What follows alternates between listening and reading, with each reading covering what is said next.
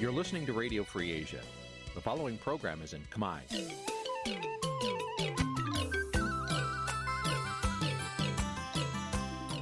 Nǐ chi càm bi tiệp xáy vệt chiu a zì sê នេះជាកម្មវិធីផ្សាយរបស់ Vithu Azisari ជាភាសាខ្មែរ វិទ្យុអាស៊ីសេរីសូមស្វាគមន៍លោកអ្នកនាងទាំងអស់ពីរដ្ឋធានី Washington នៃសហរដ្ឋអាមេរិក បាទប្រធានាធិបតី Washington ខ្ញុំបាទទីនសាការីយ៉ាសូមជម្រាបសួរលោកនាងកញ្ញាទាំងអស់ជាទីមេត្រី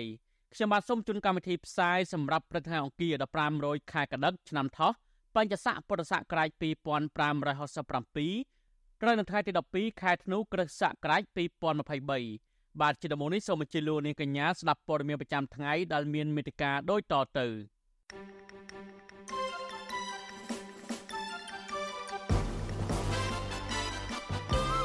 នៅវិភាគថាកម្ពុជាគ្មានអ្នកធ្វើបដិវត្តពណ៌ទេគឺមានតែបកកាន់អំណាចលៀបពណ៌អ្នកជំនាញជំរុញឲ្យកម្ពុជាប្រាប់ភាគីចិនឲ្យគិតគូរដំណាភាពក្នុងគម្រោងអភិវឌ្ឍកិច្ចសហប្រតិបត្តិការគម្រោងមេគង្គឡាងឆានមន្ត្រីបរិស្ថានខេត្តព្រះវិហាររារាំងមិនអោយអង្គការបន្លកខ្មែរនិងអង្គការអន្តរជាតិចូលព្រៃព្រះរកា អង្គការ GIZ អាឡម៉ង់ថាកម្ពុជានឹងមានអ្នកជំនាញអភិរក្សនិងព្យាបាលថ្មប្រាសាទបុរាណគ្រប់គ្រាន់សម្រាប់10ឆ្នាំទៅមុខទៀតរួមនឹងព័ត៌មានសំខាន់សំខាន់មួយចំនួនទៀតបានលោកនាយកទីមេត្រីជាបន្តទៅទៀតនេះខ្ញុំម៉ាទីនសាការីយ៉ាសូមជូនព័ត៌មានពុស្ដាមន្ត្រីគណៈបកប្រឆាំងនិងអ្នកខ្លោមើលកម្ពុជាថាគ្មានអ្នកនយោបាយជ្រុលនិយមឬអ្នកធ្វើបដិវត្តពណ៌នៅកម្ពុជានោះទេ គឺមានតែបកកណ្ដាលអំណាចលៀបពណ៌ និងចៅប្រកាន់មនុស្សតាមរំនឹងចិត្តដើម្បីរក្សាអំណាចផ្ដាច់ការតវងតត្រកូលខុសពីឆន្ទៈពិតប្រាកដរបស់ប្រជាពលរដ្ឋប្រតិកម្មនេះគឺបន្ទាប់ពីលោកហ៊ុនសែនប្រាប់ឲ្យកងទ័ពការពាររដ្ឋាភិបាលកូនរបស់លោកព្រមទាំងណែនាំឲ្យមន្ត្រីចូលសន្និបាតរបស់គណៈបកកណ្ដាលអំណាចកាលពីថ្ងៃទី10ធ្នូតាមកំតិចអ្នកនយោបាយដែលលោកចោទថា ជាក្រុមជ្រុលនិយមឲ្យខាងតែបានបាទសូមលោកនាងស្ដាប់សេចក្តីរាយការណ៍របស់លោកច័ន្ទនរោអំពីរឿងនេះដូចតទៅ មន្ត្រីគណៈបកប្រឆាំងនិងអ្នកខ្លំមើលលើកឡើងថាបើទោះបីលោកហ៊ុនសែនផ្ទេតំណែងនាយករដ្ឋមន្ត្រីនឹងក្លាយទៅជាប្រធានគណៈបកប្រជាជនកម្ពុជាដោយគ្មានឧបសគ្គយ៉ាងណាក្តី តែលោកហ៊ុនសែននៅតែព្យាយាមទប់ស្កាត់សកម្មភាពតស៊ូរបស់អ្នកប្រជាធិបតេយ្យប្រឆាំងនឹងមេដឹកនាំផ្ដាច់ការដល់ឬគល់ដោយមិនខ្វល់ពីការបែកបាក់និងផលប្រយោជន៍ជាតិនោះទេអតីតតំណាងរាស្ត្រ និងជាមន្ត្រីជាន់ខ្ពស់គណៈបកសង្គ្រោះជាតិលោកម៉ែនសថាវរិនថ្លែងថាគណៈបកប្រឆាំងចង់ឃើញកម្ពុជាមានប្រជាធិបតេយ្យនិងគោរពសិទ្ធិមនុស្សពិតប្រាកដហើយរៀបចំការបោះឆ្នោតដោយសេរីត្រឹមត្រូវនឹងយុត្តិធម៌ប៉ុន្តែលោកសោកស្ដាយចំពោះលោកហ៊ុនសែនតែងតែប្រើប្រាស់អំណាចផ្ដាច់ការតាមធ្វើទុកបុកម្នេញលើអ្នកប្រជាធិបតេយ្យនិងអ្នកដែលមាននិន្នាការផ្ទុយតាមអំពើចិត្តទោះបែបនេះក្តី លោកម៉ែនស្ថាវរិនឲ្យដឹងថាការដែលលោកហ៊ុនសែនចេះតែដើរគំរាមអ្នកតស៊ូម្ដងហើយម្ដងទៀតដោយសារតែគាត់ព្រួយបារម្ភនឹងស្រមោលធ្វើបាបមនុស្សតាំងពីផ្ទៃក្នុងបករហូតទៅដល់ពលរដ្ឋនិងអ្នកនយោបាយប្រឆាំងដែលជាឆ្អឹងទៅតឹងកដល់ស្ថិរភាពអំណាចរបស់កូនប្រុសលោក និងបកពួក គាត់ប្រផាភ័យខ្លាចខ្លួនឯងគាត់គាត់រអើលខ្លួនឯងដោយសារគាត់ធ្វើបាបគាត់ធ្វើបាបជីវរដ្ឋខាងពេកគាត់ធ្វើបាបគេខ្លាំងពេកហើយសុទ្ធតែគ្នាធ្វើថាបរិវត្តធ្វើអានឹងអានឹងចោតប្រកាន់ទាំងស្រុងណាគាត់នៅតែអានេះជារបបបែកការមែនតើគាត់គាត់ចង់ឲ្យកូនគាត់ធ្វើកាន់តំណែងនេះអ្នកប្រមាណទៀតឡើងជាជាប្រធានគឺគាត់អត់ទុកចិត្តទេដើម្បីការពារសុខភាពរបស់គាត់អញ្ចឹងគាត់ត្រូវតែដាក់កូនគាត់ជាប្រធានជំនួសថ្ងៃក្រោយថ្ងៃក្រោយ nhưng ថាអត់យូរឆាប់គឺថ្ងៃក្រោយគឺហ៊ុនម៉ាណែតឡើងទៅជាប្រធានគណៈបកប្រតិកម្មនេះ បន្ទាប់ពីលោកហ៊ុនសែនប្រធានគណៈបកប្រជាជនកម្ពុជា ដែលទៅផ្ទេតំណែងនាយករដ្ឋមន្ត្រីឲ្យកូនប្រុសគឺលោកហ៊ុនម៉ាណែតនោះបានប្រកាសបន្តដាក់ផែនការឲ្យមន្ត្រីក្រមអាវ៉ាត់ចូលរួមក្នុងមហាសន្និបាតបកតាមគំតិចអ្នកនយោបាយដែលលោកចោទថាជាក្រុមជ្រុលនិយមអ្នកនាំពាក្យគណៈបកប្រជាជនកម្ពុជា លោកសុកអេសានប្រាប់វិទ្យុអាស៊ីសេរី តាមប្រព័ន្ធ Telegram នៅថ្ងៃទី11ខែធ្នូថាលោកហ៊ុនសែន បានថ្លែងក្នុងពិធីបិទមហាសន្និបាតបកនេះដោយណែនាំឲ្យសមាជិកពង្រឹងសាមគ្គីភាពផ្ទៃក្នុង ការពារសន្តិភាព ស្ថិរភាពនយោបាយដោះស្រាយការលំបាករបស់ពលរដ្ឋជាដើមទន្ទឹមនឹងនេះលោកឲ្យដឹងថាលោកហ៊ុនសែនបានប្រាប់សមាជិកក្នុងសន្និបាតត្រូវចាត់វិធានការគ្រប់យ៉ាងកំចាត់ចោលអ្នកនយោបាយជ្រុលនិយមឲ្យអស់ពីកម្ពុជា និងទប់ស្កាត់ទម្រង់បដិវត្តពណ៌ហើយកងទ័ព មិនត្រូវអព្យាក្រឹតរវាងរដ្ឋាភិបាលនិងគណៈបកនយោបាយឡើយទោះបីសារនយោបាយនេះមិនចោទចំឈ្មោះអ្នកនយោបាយណាមួយក្តីប៉ុន្តែលោកហ៊ុនសែនទំនឹងចង់សម្ដៅលើដៃគូប្រជែងរបស់លោកគឺលោកសំរងស៊ីនិងមេដឹកនាំនៅក្រៅប្រទេសពីព្រោះរឿងនេះមិនមែនជាលើកទី1ទេ ដែលលោកហ៊ុនសែនព្រមមានកំទេចក្រុមប្រឆាំងជុំវិញរឿងនេះអ្នកស្រាវជ្រាវការអភិវឌ្ឍសង្គមបណ្ឌិតសេងសេរីមើលឃើញថា ហេតុផលដែលបកកណ្ដាលអំណាចរៀបចំសន្និបាតធ្វើឡើងបន្ទាន់នោះអាចតេតឹងការដោះស្រាយទំនាស់ផ្ទៃក្នុង និងបញ្ហាសុខភាពរបស់មេដឹកនាំចាស់ជាពិសេសលោកហ៊ុនសែនដើម្បីឲ្យកូនឈានជើងទៅកាន់អំណាចពេញដៃនៅក្នុងតំណែងកម្ពុជារបស់បកនិងរដ្ឋាភិបាលនៅពេលពួកគេអវត្តមាននៅថ្ងៃខាងមុខចំណែកខាងក្រៅផ្ទៃក្នុងបកវិញ លោកបណ្ឌិតយល់ថាបកនេះអាចរក្សាអំណាចតាមរយៈការបោះឆ្នោតបង្ក្រប់កិច្ច ដោយផាត់ចោលគណៈបកប្រឆាំងបានប៉ុន្តែ ច្រកមួយដែលពួកគេមិនអាចគ្រប់គ្រងអំណាចបានយូរនោះគឺកម្លាំងមហាជនងើបប្រឆាំងនឹងអំពើអយុត្តិធម៌នៅក្នុងសង្គមទើបពួកគេព្យាយាមយកលេសការពារសន្តិភាពលៀបពណ៌ចាត់ប្រកាន់លើមេដឹកនាំប្រឆាំងដែលមានឥទ្ធិពលលើពលរដ្ឋដើម្បីរក្សាអំណាចតវងត្រកូលដោយគ្មានគ្រោះភ័យទៅមុខទៀត បើយើងនិយាយថាការទប់ស្កាត់បដិវត្តពណ៌គឺជាការរក្សាសន្តិភាពអាហ្នឹងក៏ដូចជាមិនមែនព្រោះសន្តិភាពមិនមែនមានន័យថាទប់ស្កាត់ការបញ្ចេញមតិឬក៏ការបញ្ចេញសិទ្ធិរបស់មហាជនឬក៏ប្រជាជនទេជាងហើយអ្វីដែលសំខាន់ហ្នឹងគឺការរក្សាអំណាចឲ្យបានរយៈពេលវែងបំផុតដែលអាចធ្វើទៅបានហើយព្រោះយើងឃើញហើយថាផលប្រយោជន៍នេះនៅពីក្រោយការគ្រប់គ្រងអំណាចរដ្ឋនេះធំណាស់ជាពិសេសហ្នឹងគឺបណ្ដាអ្នកជំនួយធំធំដែលនៅពីក្រោយអ្នកនយោបាយហ្នឹងក៏ដល់ផលប្រយោជន៍ឲ្យអ្នកនយោបាយនឹងច្រើនអ្នកខ្លំមើលនយោបាយ មន្ត្រីសិទ្ធិមនុស្សនិងគណៈបកប្រឆាំងរិះគន់ថាលោកហ៊ុនសែនអាចរក្សាតួនាទីជានាយករដ្ឋមន្ត្រីក្នុងរយៈពេលជិត40ឆ្នាំ ដោយសារលោកធ្វើរដ្ឋប្រហាររំលោភរដ្ឋធម្មនុញ្ញជាពិសេសរបៀបដឹកនាំតាមបែបផ្ដាច់ការតែម្ដង ក្នុងរយៈពេលប្រមាណឆ្នាំចុងក្រោយនេះស្នាដៃដ៏លេចធ្លោរបស់លោកហ៊ុនសែនគឺយុទ្ធនាការកំទេចគណៈបកប្រឆាំងនិងបង្ក្រាបលើសម្លេងរិះគន់ឥតស្រាកស្រានដើម្បីឲ្យកូនប្រុស គឺលោកហ៊ុនម៉ាណែត បន្តគ្រប់គ្រងអំណាចផ្ដាច់ការរំលោភសិទ្ធិមនុស្សជំនួសលោកបន្តទៀតខ្ញុំបាទច័ន្ទដារោវុទ្ធុអាស៊ីសេរីបាទលោកជាទីមេត្រីនៅក្រៅពេលធ្វើមហាសន្និបាតភ្លាមភ្លាមកូនប្រុសរបស់លោកហ៊ុនសែនគឺលោកហ៊ុនម៉ាណែតដែលជានាយករដ្ឋមន្ត្រីនោះបានដឹកនាំគណៈប្រតិភូកម្ពុជាទៅទស្សនកិច្ចនៅប្រទេសវៀតណាមរយៈពេល2ថ្ងៃគឺចាប់ពីថ្ងៃទី11ដល់ថ្ងៃទី12ធ្នូ អ្នកខ្លមើលអះអាងថាដំណើរទស្សនកិច្ចនេះជាការផ្គប់ចិត្តដល់វៀតណាមដែលជាចវាយនីយច្រើនជាងដើម្បីផលប្រយោជន៍ជាតិដំណើរទស្សនកិច្ចនៅថ្ងៃដំបូងនេះលោកហ៊ុនម៉ាណែតបានជួបពិភាក្សាការងារជាមួយនាយរដ្ឋមន្ត្រីវៀតណាមលោកផាំមិញចេញនិងជួបសម្ដែងការគួសមជាមួយអគ្គលេខាធិការបកកុម្មុយនីសវៀតណាមលោកវៀនហ្វូចុងនៅទីក្រុងហាណូយប្រទេសវៀតណាមនាយករដ្ឋមន្ត្រីហ៊ុនម៉ាណែតបានបង្ហោះសារនៅលើ Facebook របស់លោកនៅរសៀលថ្ងៃទី11ធ្នូនេះថា មេដឹកនាំទាំងពីរបានប្រាប់គ្នាទៅវិញទៅមកអំពីស្ថានភាពនៃប្រទេសទាំងពីរពាក់ព័ន្ធនឹងទស្សនវិជ្ជានយោបាយសង្គមនិងសេដ្ឋកិច្ចនិងពង្រីកកិច្ចសហប្រតិបត្តិការលើគ្រប់វិស័យឲ្យទទួលបានលទ្ធផលជាផ្លែផ្កាបន្ថែមទៀតដើម្បីផលប្រយោជន៍គ្នាទៅវិញទៅមកដែលលោកអះអាងថាសម្រាប់ជាតិនិងប្រជាជនទាំងពីរទន្ទឹមនឹងនេះភាគីទាំងពីរក៏បានផ្លាស់ប្តូរយោបល់អំពីកិច្ចការតំបន់និងសកលដោយបានបង្ហាញនៅការពេញចិត្ត ចំពោះការគ្រប់គ្រងគ្នាទៅវិញទៅមកនៅលើវេទិកាអន្តរជាតិនានាដូចជាក្នុងក្របខ័ណ្ឌអង្គការសហប្រជាជាតិអាស៊ាន និងអនុតំបន់ទន្លេមេគង្គជាដើមជាមួយគ្នានេះមេដឹកនាំទាំងពីរក៏បានធ្វើជាអធិបតីនៃការចុះហត្ថលេខាលើកិច្ចសហប្រតិបត្តិការចំនួន3រួមមានអនុសារណៈយោគយល់គ្នាស្ដីពីកិច្ចសហប្រតិបត្តិការលើវិស័យវិទ្យាសាស្ត្របច្ចេកវិទ្យានិងនវានុវត្តន៍រវាងក្រសួងឧស្សាហកម្មវិទ្យាសាស្ត្របច្ចេកវិទ្យា និងក្រសួងវិទ្យាសាស្ត្រនិងបច្ចេកវិទ្យាវៀតណាមទី2អនុសារណៈយោគយល់គ្នា អំពីកិច្ចសហប្រតិបត្តិការរវាងវិទ្យាស្ថានជាតិការទូតនិងទំនាក់ទំនងអន្តរជាតិនិងបណ្ឌិតសភាការទូតវៀតណាម ទី3អនុសារណៈនៃការយោគយល់គ្នា រវាងសភាពាណិជ្ជកម្មកម្ពុជា និងសភាពាណិជ្ជកម្មវៀតណាមទោះជាយ៉ាងណាអ្នកខ្លោមើលពីស្ថានភាពសង្គមលើកឡើងថាដំណើរទស្សនកិច្ចនេះនឹងផ្ដល់ផលប្រយោជន៍ដល់វៀតណាមច្រើនជាងកម្ពុជា ប្រធានក្រុមរក្សាខ្លោមើលកម្ពុជាដែលកំពុងរស់នៅប្រទេសន័រវេសលោកម៉ែនណាតអះអាងថាដំណើរទស្សនកិច្ចនេះជាការបង្ហាញមុខនៅក្នុងនាមជាមេដឹកនាំថ្មីរបស់កម្ពុជានិងរាយការណ៍ជូនមេដឹកនាំវៀតណាមអំពីលទ្ធផលនានាដែលបកប្រជាជនកម្ពុជាបានធ្វើកន្លងមក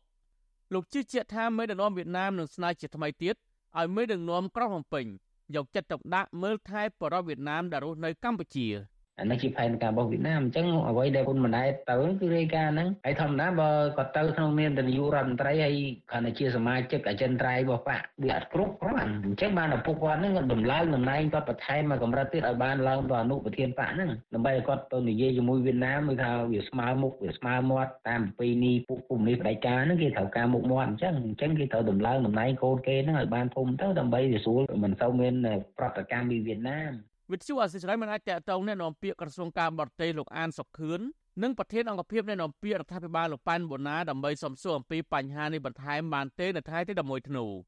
ចំណែកអ្នកសិក្សាផ្នែកច្បាប់លោកវ៉ុនចាន់ឡូតក៏សម្គាល់ថាក្នុងជំនុំនេះក៏មិនខុសពីឋានដឹកនាំខ្មែរកម្ពុជាកំពូលមុនមុនដែរដល់កម្ពុជាបានចាញ់ប្រទេសវៀតណាមលើគ្រប់វិស័យលោកបញ្ជាក់ថាក្នុងពេលលោកហ៊ុនម៉ាណែតឡើងកាន់អំណាចជាង100ថ្ងៃមកនេះលោកហាក់មិនទាន់បង្ហាញពីឯករាជ្យភាព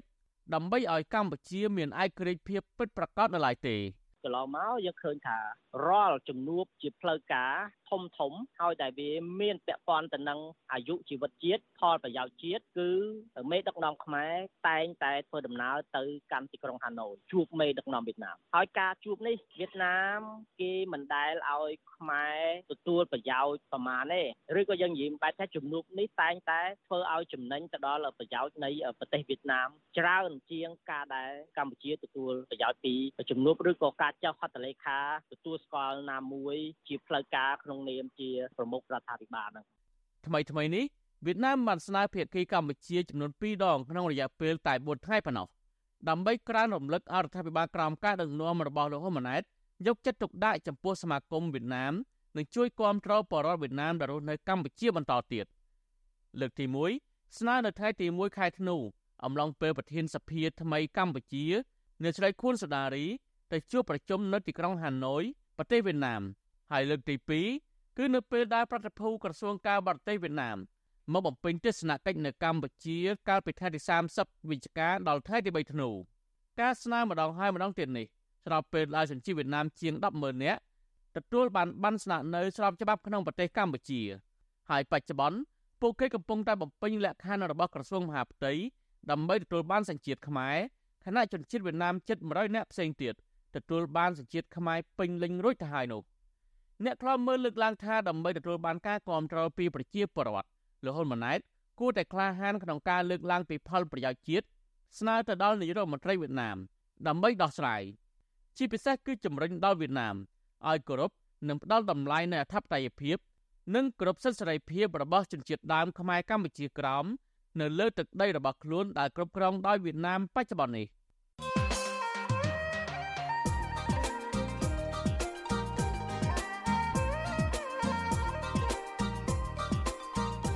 បានលោកនាយកទីមេត្រីក្រុមអ្នកតាមដានស្ថានភាពនយោបាយលើកឡើងថារដ្ឋាភិបាលរបស់លោកហ៊ុនម៉ាណែតកំពុងតែទាល់ច្រកក្នុងការស្ដារសេដ្ឋកិច្ចនិងលទ្ធិប្រជាធិបតេយ្យឡើងវិញពួកគេបានប្រៀបធៀបរដ្ឋបាលដឹកនាំរបស់លោកហ៊ុនម៉ាណែតនេះដូចទៅនឹងចុះទឹកជួបក្រពើឡើងលើជួបខ្លាដូចនោះដែរតើក្រុមអ្នកតាមដានពីស្ថានភាពនយោបាយលើកឡើងបែបនេះមានអំណះអំណាងអ្វីខ្លះបាទសូមលោកនាងរងចាំទស្សនានីតិវិទ្យាអ្នកស្ដាប់វិទ្យុអាស៊ីសេរី ដែលនឹងជជែកអំពីបញ្ហានេះនៅយប់ថ្ងៃអង្គារនេះកុំបីខាន បាទបើសិនជាលោកនាងចង់បញ្ចេញមតិយោបល់ឬដាក់ជាសំណួរ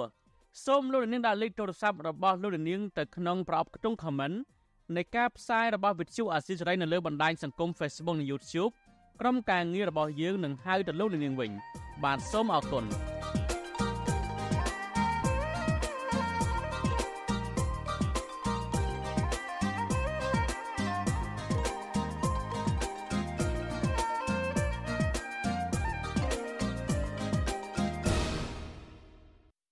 បានលោកនេះជាទីមេត្រីតេតតងនឹងការរៀបចំសមាជិកភាពបញ្ចូលនៅក្នុងគណៈបកប្រជាជនកម្ពុជាវិញគណៈបកប្រជាជនកម្ពុជាបានជ្រើសតាំងលោកលីយ៉ុងផាត់ដែលសម្បូរទៅដោយរឿងអាស្រ័យរំលោភដីធ្លីនិងសិទ្ធិមនុស្សធ្វើជាប្រធានគណៈកម្មាធិការហិរញ្ញវត្ថុរបស់គណៈបកនេះបរដ្ឋនិងសង្គមស៊ីវិលយល់ឃើញថាគណៈបកប្រជាជនកម្ពុជាជ្រើសតាំងលោកលីយ៉ុងផាត់នេះជំរុញឲ្យអ្នកមានលុយមានអំណាចរូបនេះកាន់តែរំលោភដីធ្លី និងបណ្ដេញប្រជាពលរដ្ឋចេញពីលំនៅឋានច្រើនថែមទៀតផង បាទសូមលោកនាងស្ដាប់សេចក្តីរាយការណ៍របស់កញ្ញាខាន់លក្ខណាអំពីរឿងនេះដូចតទៅសង្គមស៊ីវិលនិងពលរដ្ឋលើកឡើងថាការជ្រើសតាំងលោកលីយ៉ុងផាត់ជាសមាជិកគណៈអចិន្ត្រៃយ៍និងជាប្រធានគណៈកម្មាធិការហិរញ្ញវត្ថុនេះនឹងធ្វើឲ្យប្រជាប្រិយភាពរបស់គណៈបកប្រជាជនកម្ពុជាកាន់តែធ្លាក់ចុះដោយសារតែលោកលីយ៉ុងផាត់សម្បូររឿងអាស្រូវរំលោភដីធ្លីនិងសិទ្ធិមនុស្ស ការលើកឡើងនេះក្រោយពីមហាសន្និបាតវិសាមញ្ញរបស់គណៈបកប្រជាជនកម្ពុជាកាលពីថ្ងៃទី10ធ្នូបានជ្រើសតាំងលោកលីយ៉ុងផាត់ជាសមាជិកគណៈអចិន្ត្រៃយ៍និងជាប្រធានគណៈកម្មាធិការហិរញ្ញវត្ថុនៃគណៈបកប្រជាជនកម្ពុជា ដែលមានលោកហ៊ុនសែនជាប្រធានគណៈបក ពលរដ្ឋម្នាក់ក្នុងចំណោមអ្នកភូមិដែលប៉ះពាល់ដោយសារក្រុមហ៊ុនស្កអំពៅរបស់អង្គញាលីយ៉ុងផាត់នៅខេត្តកំពង់ស្ពឺអ្នកស្រីខនខនប្រាប់វិសុអាស៊ីសេរីនៅថ្ងៃទី11ធ្នូថាគណៈបកប្រជាជនកម្ពុជាគួរជំរុញឲ្យលោកលីយ៉ុងផាត់ដោះស្រាយវិវាទដីធ្លីជូនពួកគាត់សិនមុននឹងជ្រើសតាំងឲ្យធ្វើជាសមាជិកគណៈអចិន្ត្រៃយ៍និងជាប្រធានគណៈកម្មាធិការហិរញ្ញវត្ថុរបស់គណៈបកនេះ លោកស្រីស្នើរដ្ឋាភិបាលថ្មីដឹកនាំដោយលោកហ៊ុនម៉ាណែតជួយអន្តរាគមន៍ដោះស្រាយវិវាទដីធ្លីជាមួយលោកលីយ៉ុងផាត់ឲ្យបានឆាប់ដោយថារយៈពេលជាង10ឆ្នាំមកនេះពួកគាត់រស់នៅទាំងវេទនាពីព្រោះគ្មានដីសម្រាប់អាស្រ័យផល មួយរយៈកន្លងមកទៅតស៊ូមតិអត់ដែលបានដំណោះស្រាយសោះហើយបើខ្ញុំគឺអត់ពេញចិត្តទេព្រោះអីតដោះស្រាយឲ្យពួកខ្ញុំសិនព្រោះអីពួកខ្ញុំវេទនាខ្លាំងណាស់អ្នកគ្រូអញ្ជើញជួយមកមើលមកវេទនាយំស្រែករាល់ថ្ងៃនេះខ្ញុំនៅផ្ទាល់អាចបតនីគាផងអាចបអីផងជាប្រដ្ឋអត់ស្គាល់ច្រកឆ្នាំងផងអានឹងបើតែងតាំងហើយឲ្យដោះស្រាយឲ្យពួកខ្ញុំមកប្រកាសអ្នកមលោកដីរបស់ខ្ញុំបើបានធ្វើធំឲ្យងាកមើលប្រជាពលរដ្ឋខ្លះផងចុះបើធ្វើតែធំអត់ដោះស្រាយឲ្យពួកខ្ញុំអញ្ចឹងគឺខ្ញុំអត់ពេញចិត្តទេស្រដៀងគ្នានេះដែរសកម្មជនដីធ្លីនៅខេត្តកោះកុងលោកស្រីផៅញើង លើកឡើងថាការដែលតែងតាំងលោកលីយ៉ុងផាត់នៅពេលនេះគឺជាគំរូមិនល្អនិងជំរុញឲ្យមានការរំលោភសិទ្ធិមនុស្សនិងដីធ្លីរបស់ប្រជាពលរដ្ឋនៅកម្ពុជាបន្ថែមទៀត។ គាត់ធ្លាប់លូកដីធ្លីប្រជាពលរដ្ឋហើយគាត់ព្រមព្រៀងដោះស្រាយឲ្យប្រជាពលរដ្ឋចាប់សពគ្រប់ហើយខ្ញុំគិតថាប្រមុខថ្នាក់ដឹកនាំយកទៅបៀតខ្លួនកាន់តែល្អពីព្រោះគាត់នឹងជាមន្ត្រីល្អប៉ុន្តែបើសិនតែគាត់លូកដីធ្លីឲ្យប្រជាពលរដ្ឋហើយគាត់ដោះស្រាយអត់តន់រួចអានឹងខ្ញុំគិតថាប្រមុខរដ្ឋាភិបាលគួរតែធ្វើការពិចារណាពីព្រោះបើសិនណាជាមានការរំលោភសិទ្ធិមនុស្សបើសិនណាជាមានការដើរយកដីធ្លីហើយមិនដោះស្រាយមិនអីហ្នឹងហើយបែរទៅជាមានតំណែងខ្ពស់ទៅវិញ លោកលីយ៉ុងផាត់គឺជាម្ចាស់ក្រុមហ៊ុនភ្នំពេញស៊ូគ័រនិងជាសមាជិកព្រឹទ្ធសភាគណៈបកប្រជាជនកម្ពុជាតែកតិននឹងរឿងក្រុមហ៊ុនភ្នំពេញស៊ូគ័រនេះកន្លងមកប្រជាពលរដ្ឋមានចំនួនដីធ្លីជាមួយក្រុមហ៊ុនលោកលីយ៉ុងផាត់ធ្លាប់បានធ្វើយុទ្ធនាការស្គរប្រឡាក់ឈាមឬស្គរឈាមដើម្បីប្រឆាំងនឹងការលក់ស្គរអំពៅរបស់ក្រុមហ៊ុនលោកលីយ៉ុងផាត់ផងដែរ អ្នកនាំពាក្យគណៈបកប្រជាជនកម្ពុជាលោកសុកអេសានប្រាប់វិសុអាស៊ីសេរីនៅថ្ងៃទី11ធ្នូថាការជ្រើសតាំងលោកលីយ៉ុងផាត់នេះមិនមានអ្វីខុសឆ្គងឡើយពីព្រោះលោកជាថៅកែក្រុមហ៊ុន ដែលមានធនធាននិងហិរញ្ញវត្ថុធំនៅក្នុងប្រទេសកម្ពុជាដូច្នេះទើបគណៈបកប្រជាជនកម្ពុជាប្រកល់ទូនីតិជាប្រធានគណៈកម្មាធិការហិរញ្ញវត្ថុឲ្យលោកលីយ៉ុងផាត់លោកចាត់ទុកការលើកឡើងរបស់ប្រជាពលរដ្ឋជារឿងមិនត្រឹមត្រូវ ពីព្រោះថាបើក្រុមហ៊ុនរបស់លោកលីយ៉ុងផាត់ធ្វើមិនត្រឹមត្រូវតាមច្បាប់គណៈបកប្រជាជនកម្ពុជាក៏មិនប្រកល់ទូនីតិឲ្យដែរតាមពិតវាមិនដូចគាត់និយាយទេអញ្ចឹងវាបានសេចក្តីថាឯកឧត្តមអង្គការលីយ៉ុងផាត់ហ្នឹងគាត់មិនមានបញ្ហាអីខុសឆ្គងអំពីផ្លូវច្បាប់ទេបាទពីព្រោះការវិនិយោគរបស់គាត់សុទ្ធតែមានការអនុញ្ញាតពីត្រឹមត្រូវពីរាជរដ្ឋាភិបាលពីគណៈកម្មក្រមប្រឹក្សាអភិវឌ្ឍកម្ពុជា ក្រៅពីទូនាទីជាសមាជិកគណៈអចិន្ត្រៃយ៍និងជាប្រធានគណៈកម្មាធិការហិរញ្ញវត្ថុនៃគណៈបកប្រជាជនកម្ពុជានោះលោកលីយ៉ុងផាត់ដែលជាម្ចាស់ទូរទស្សន៍ PNN ក៏ត្រូវបានលោកហ៊ុនសែនតែងតាំងជាប្រធានសមាគមអង្គញាកម្ពុជា និងជាទីប្រឹក្សាផ្ទាល់របស់លោកហ៊ុនសែនផងដែរជុំវិញរឿងនេះអ្នកនាំពាក្យសមាគមការពារសិទ្ធិមនុស្សអាត់ហុកលោកសង្សានករណាយល់ថា ការជ្រើសតាំងនេះជាសិទ្ធិសម្រេចរួមរបស់គណៈបកកណ្ដាលអំណាចដែលលោកមិនយល់ដែរអំពីការជ្រើសតាំងបុគ្គលម្នាក់ដែលមានការរិះគន់ច្រើនពាក់ព័ន្ធនឹងការរំលោភសិទ្ធិមនុស្សការបំពានសិទ្ធិដីធ្លីនិងធនធានធម្មជាតិផ្សេងផ្សេងឲ្យคล้ายជាក្បាលម៉ាស៊ីនដឹកនាំបកប៉ុន្តែលោកថាការជ្រើសតាំងសមាជិកក្បាលម៉ាស៊ីនដឹកនាំគណៈបកគប្បីជាបុគ្គលស្អាតស្អំ មានសមត្ថភាព និងមានប្រជាប្រិយភាពបើសិនជាប្រទេស មួយដែលមានការប្រកាន់ប្រជាធិបតេយ្យច្បាស់លាស់ មានការបោះឆ្នោតដោយសេរីត្រឹមត្រូវនិងយុត្តិធម៌បើសិនជាបកនយោបាយនឹងមានក្បាលម៉ាស៊ីនដឹកនាំបកនយោបាយដែលជាបុគ្គលមិនស្អាតស្អំជាបុគ្គលដែលរំលោភបំពានសិទ្ធិមនុស្សសិទ្ធិដីធ្លីអីនេះខ្ញុំយល់ថាពិបាកក្នុងការគៀងគរការគ្រប់គ្រងប្រជាពលរដ្ឋដើម្បីផ្ដល់សម្លេងឆ្នោតជូនទៅគណៈបកនយោបាយនឹងណាពីព្រោះគេអាចមិនពេញចិត្តចំពោះអ្នកដែលរំលោភបំពានទៅលើសិទ្ធិមនុស្សសិទ្ធិដីធ្លីអីទាំងអស់ហ្នឹង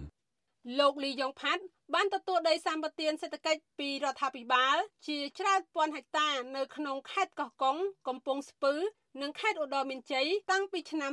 2006ក្រោមផ្លាកអភិវឌ្ឍប៉ុន្តែអង្គញាមានលុយវ៉ាលានដុល្លាររូបនេះតែមានកេរ្តិ៍ឈ្មោះមិនល្អ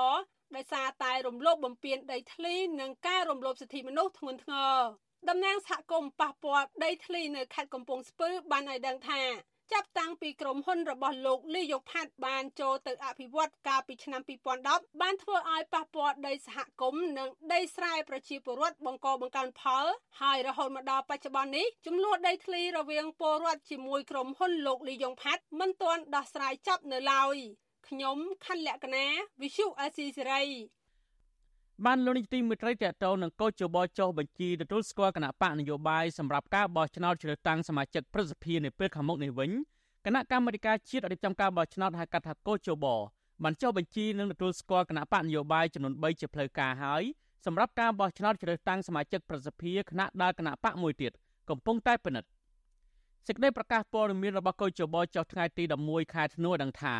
ចាប់ពីថ្ងៃទី27វិច្ឆិកាដល់ថ្ងៃទី11ខែធ្នូ ដែលជាថ្ងៃបញ្ឈប់នៃការដាក់ពាក្យនិងស្នើសុំចុះបញ្ជីគណៈបកនយោបាយចូលឈ្មោះបោះឆ្នោតនិងបញ្ជីបេក្ខជនចូលឈ្មោះសម្រាប់ការបោះឆ្នោតជ្រើសតាំងសមាជិកប្រសិទ្ធិ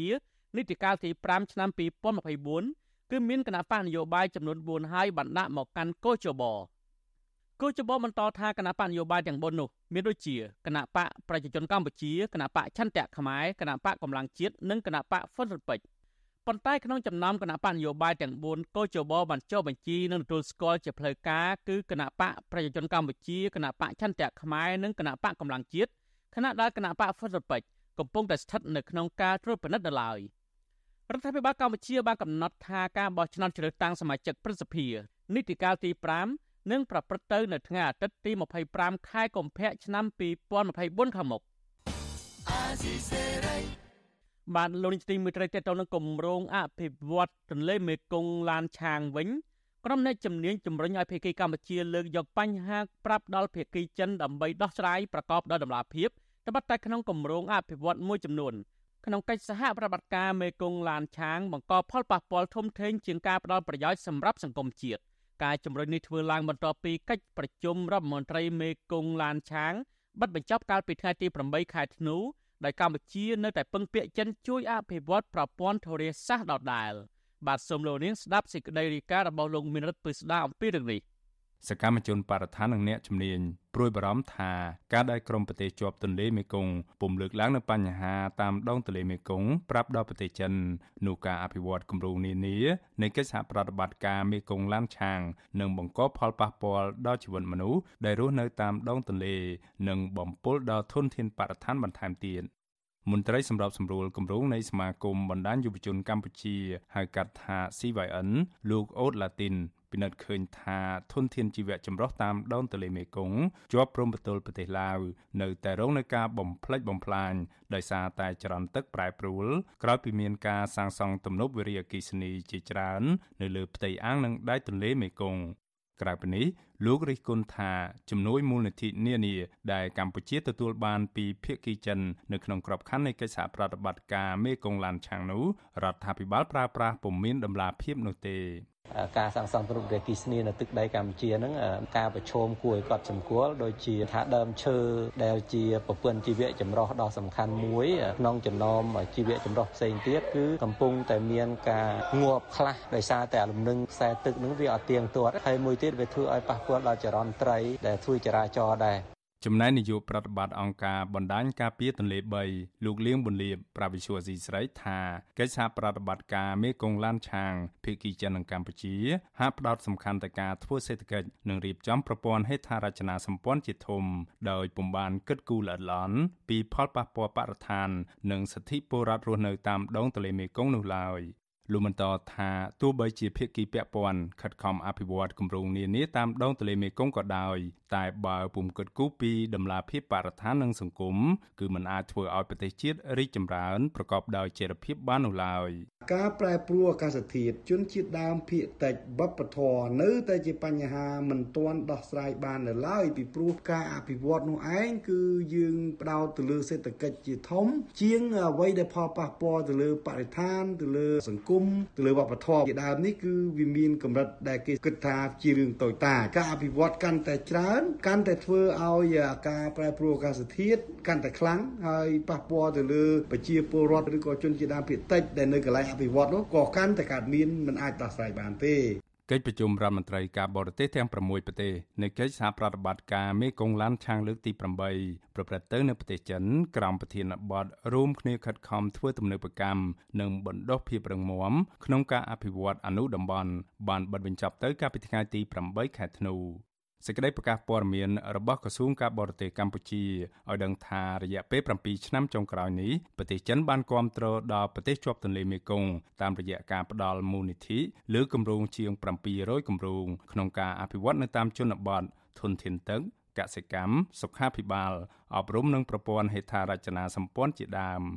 នៅក្នុងរយៈពេល7ឆ្នាំនៃកិច្ចសហប្រតិបត្តិការមេគង្គឡានឆាងនេះកម្ពុជាទទួលបានជំនួយពីប្រទេសចិនសរុបជាង33លានដុល្លារនៅក្នុងការអភិវឌ្ឍលើគម្រោងជិត90គម្រោងរួមមានវិស័យបច្ចេកវិទ្យាអប់រំកសិកម្មនិងការរៀបចំប្រព័ន្ធហេដ្ឋារចនាសម្ព័ន្ធជាដើម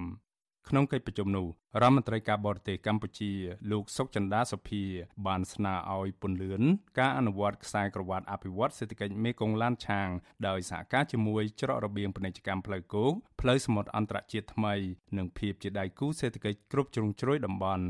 លោកមិនបានលើកឡើងពីបញ្ហាផលប៉ះពាល់នៃទំនប់វារីអគ្គិសនីរបស់ចិនដល់ប្រទេសខ្សែទឹកខាងក្រោមនៃទន្លេមេគង្គនោះទេ វិសុវស៊ីស្រីមិនអាចតាក់ទងแนะនាំពាក្យក្រសួងការបរទេសកម្ពុជា លោកអានសុខឿនដើម្បីសាកសួរបន្ថែមជុំវិញរឿងនេះបាននៅឡើយទេនៅថ្ងៃទី11ខែធ្នូទន្លេមេគង្គមានប្រវែងជិត5000គីឡូម៉ែត្រឆ្លងកាត់ប្រទេសចំនួន6រួមមានចិនមីយ៉ាន់ម៉ាឬភូមាថៃឡាវកម្ពុជានិងវៀតណាមទន្លេនេះសម្បូរទៅដោយធនធានជីវៈចម្រុះសម្បូរបែបនិងជាប្រភពអាហារចម្បងសម្រាប់មនុស្សរាប់លាននាក់នៅក្នុងតំបន់ កិច្ចសហប្រតិបត្តិការមេគង្គឡានឆាងត្រូវបានបង្កើតឡើងជាលើកដំបូងកាលពីចុងឆ្នាំ2015ដោយប្រទេសចិនដើម្បីជាយន្តការដោះស្រាយវិបត្តិទឹកទន្លេមេគង្គជាមួយប្រទេសនៅតាមខ្សែទឹកខាងក្រោម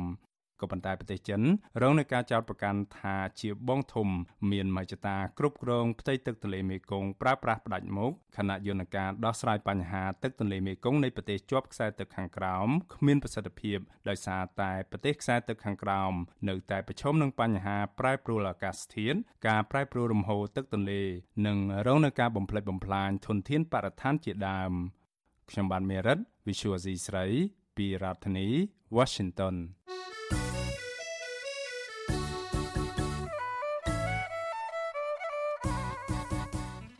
បាទលោកនាងជាទីមេត្រីកម្មវិធីផ្សាយរបស់វិទ្យុអាស៊ីសេរី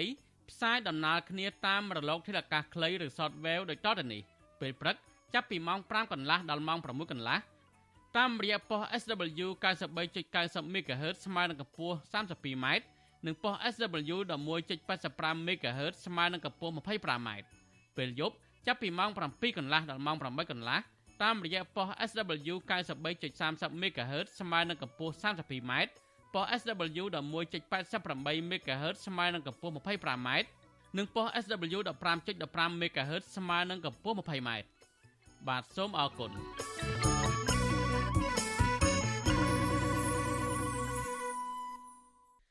បាទលោកនាយកទីមេត្រីតេតនការព្យាបាលថ្មនិងអភិរក្សប្រាសាទបុរាណនៅខេត្តសៀមរាបឯណោះវិញអង្គការ GIZ នៃប្រទេសអាល្លឺម៉ង់ឲ្យដឹងថាគេបានចំណាយរយៈពេល15ឆ្នាំហើយ នៅក្នុងកិច្ចសហការជាមួយអាជ្ញាធរជាតិអប្សរាក្នុងខេត្តសៀមរាប ដើម្បីធ្វើការងារអភិរក្សនិងព្យាបាលថ្មប្រាសាទបុរាណតាមរមណីយដ្ឋានអង្គរដែលជាសម្បត្តិបេតិកភណ្ឌពិភពលោកក្នុងការជួយអភិរក្សនិងព្យាបាលថ្មប្រាសាទបុរាណខ្មែរនេះអង្គការ GIZ ក៏បានជួយបង្ហាត់បង្រៀនជនជាតិខ្មែរដើម្បីឲ្យคล้ายទៅជាអ្នកជំនាញសម្រាប់ពេលអនាគតដែរបាទសូមលោកនាងស្ដាប់សេចក្តីរាយការណ៍របស់អ្នកស្រីសុជីវីពឹស្ដាអំពីរឿងនេះដូចតទៅ កម្ពុជាជាប្រទេសដែលសម្បូរទៅដោយប្រាង្គប្រាសាទបុរាណភាគច្រើនស្ថិតនៅក្នុងខេត្តសៀមរាបព្រះវិហារបន្ទាយមានជ័យកំពង់ធំនិងខេត្តឧត្តរមានជ័យហើយដែលប្រាសាទខ្លះនៅសល់រូបរាងដើមឯខ្លះទៀតបែកបាក់សល់តែគ្រឹះក៏មានដោយសារកត្តាអាយុកាលសង្គ្រាមបំផ្លិចបំផ្លាញកត្តាអាកាសធាតុនិងធម្មជាតិជាដើមដែលទាមទារឲ្យមានការយកចិត្តទុកដាក់អភិរក្ស ប្រធានក្រុមការងារអភិរក្សថ្មនៃនាយកដ្ឋានអភិរក្សប្រាសាទបុរាណនិងបុរាណវិទ្យារបស់អាជ្ញាធរជាតិអប្សរាលោកឡុងណារីមានប្រសាសន៍ប្រាប់ក្រុមអ្នកសារព័ត៌មាននៅក្នុងពិធីប្រារព្ធខួប15ឆ្នាំនៃការងារអភិរក្សថ្មប្រាសាទបុរាណនៅឯប្រាសាទបន្ទាយសំរ៉ែនៅក្នុងឃុំប្រដាខេត្តសៀមរាបកាលពីថ្ងៃទី8ខែធ្នូថាក្នុងរយៈពេល15ឆ្នាំដែលក្រុមការងារអភិរក្សថ្មធ្វើការនៅក្នុងរមណីយដ្ឋានអង្គរ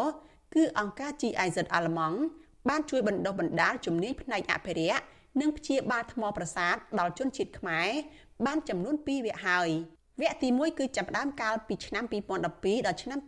2015បានចំនួន20នាក់ដោយអ្នកសិក្សាទាំងនោះជាសិស្សដែលបានប្រឡងជាប់សញ្ញាបត្របាក់ឌុបចំណែកវគ្គទី2គឺចាប់ផ្ដើមកាលពីឆ្នាំ2022បានចំនួន20នាក់ទៀតហើយអ្នកជំនាញសិក្សាចំនួនទី2នេះគឺត្រូវរើសចេញពីតាមនាយកដ្ឋានទេសចរភ្នាក់ងារទេសចរ និងចេញពីសារមន្ទីរដែលជាបុគ្គលិកនៃអាជ្ញាធរជាតិអប្សរាស្រាប់។ សាទយើងកសាងឡើងអំពីច្រើនថ្មភក់ហើយយើងត្រូវឲ្យគាត់ដឹងថាតើថ្មហ្នឹងកើតឡើងដោយសារអ្វីកើតមកពីណាហើយការខូចខាតទៅវិញហ្នឹងដោយសារកត្តាអ្វីខ្លះហើយយើងវិភាគទៅលើជំងឺរបស់ថ្មពេលយើងដឹងជំងឺរបស់ថ្មហើយយើងត្រូវសិក្សាអំពីវត្ថុធាតុចិញ្ចឹមគីមីផ្សេងៗដែលយើងត្រូវការយកមកព្យាបាលការបង្រៀននឹងមានច្រើនណាស់ឧបមាយើងឃើញមានជាតិអំបិលដែលនៅកកនៅលើផ្ទៃថ្មយើងត្រូវប្រើវិធីការបន្សាបជាតិអំបិលហើយនឹងការបាញ់ថ្នាំពង្រឹងថ្មខ្លះផុយពេលយើងប៉ះទៅវាជ្រុះដូចសាច់អញ្ចឹងអញ្ចឹងយើងមានថ្នាំមួយទៀតហៅថា acetic silicate គឺយើងបាញ់ស្រោចពីលើទៅចំនួនឲ្យជាប់ស្អិតព្រោះរចនាសម្ព័ន្ធរបស់ថ្មមានជាចំណងចងប្រទាក់គ្នាពីមួយទៅមួយចំណែកអ្នកជំនាញជនជាតិអាល្លឺម៉ង់នៃអង្គការ GIZ កញ្ញា Helen Jacobson មានប្រសាសន៍ថាអង្គការរបស់នាងកំពុងប្រឹងប្រែងបណ្ដុះបណ្ដាលធនធានមនុស្សខ្មែរឲ្យចេះជំនាញអភិរក្សនិងព្យាបាលថ្មប្រាសាទបុរាណនេះព្រោះតែអ្នកជំនាញបរទេសចង់ឃើញទៅថ្ងៃខាងមុខគឺខ្មែរមានសមត្ថភាពចេះជួសជុលអភិរក្ស និងព្យាបាលថ្មប្រាសាទបុរាណដោយខ្លួនឯងមិនចាំបាច់ពឹងពាក់បរទេសឲ្យមកជួយទៀតទេអង្គការ GIZ និងអាញាធរអប្សរាសប្បាយជាយើងអាចមានទៅមកផេនណានិងមួយឆ្នាំទៀតអាញាធរអប្សរានឹងមានអ្នកអភិរក្សនឹងជួសជុលមកផេអ្នកទៀតបើសិនអ្នកចង់អភិរក្សនឹងជួសជុលថ្មអ្នកត្រូវតែយល់ពីថ្មលក្ខណៈអីហេតុអីមានការពុកផុយកតានៃការពុកផុយយើងមានអីខ្លះ បច្ចុប្បន្ននេះនៅកម្ពុជាមានស្ថាប័នចំនួន3ដែលទទួលបន្ទុកថែរក្សានិងជួសជុលប្រាសាទបុរាណស្ថាប័នទាំងនោះគឺអាជ្ញាធរជាតិអប្សរាទទួលបន្ទុកការពារថែរក្សាប្រាសាទបុរាណនៅក្នុងរមណីយដ្ឋានអង្គរខេត្តសៀមរាបអាជ្ញាធរជាតិសម្បូរព្រៃគុកទទួលបន្ទុកការពារថែរក្សាប្រាសាទបុរាណនៅរមណីយដ្ឋានសម្បូរព្រៃគុកនៅក្នុងខេត្តកំពង់ធំនិងអាជ្ញាធរជាតិព្រះវិហារទទួលបន្ទុកការពារនិងថែរក្សាប្រាសាទបុរាណនៅក្នុងខេត្តព្រះវិហារការជួសជុលការពារនិងថែរក្សាប្រាសាទបុរាណទាំងនេះ ទាមទារឲ្យមានអ្នកជំនាញផ្នែកអភិរក្សនិងព្យាបាលថ្មប្រាសាទបុរាណផងដែរប៉ុន្តែនៅពេលបច្ចុប្បន្ននេះកម្ពុជាមានអ្នកជំនាញផ្នែកអភិរក្សនិងព្យាបាលថ្មមិនទាន់គ្រប់គ្រាន់តាមតម្រូវការនៅឡើយទេបច្ចុប្បន្ននេះក្រៅពីអាល្លឺម៉ង់ជាប្រទេសមួយដែលផ្ដល់ជំនួយនិងចូលរួមជាមួយរដ្ឋាភិបាលកម្ពុជា ក្នុងការជួសជុលនិងថែរក្សាប្រាសាទបុរាណខ្មែរក៏មានប្រទេសជាច្រើនដូចជាអាមេរិកបារាំងជប៉ុនចិននិងឥណ្ឌាជាដើម។ អង្គការ GIZ អាល្លឺម៉ង់រំពឹងថាគេនឹងប្រឹងប្រែងជួយបណ្ដុះបណ្ដាលជនជាតិខ្មែរឲ្យមានជំនាញផ្នែកអភិរក្សនិងព្យាបាលថ្មប្រាសាទបុរាណនេះមានចំនួនគ្រប់គ្រាន់នៅតាមការដ្ឋានជួសជុលប្រាសាទបុរាណទាំងអស់នៅក្នុងរយៈពេល10ឆ្នាំទៅមុខទៀតនាងខ្ញុំសុជីវីវិទ្យុអាស៊ីសេរីពីរដ្ឋធានី Washington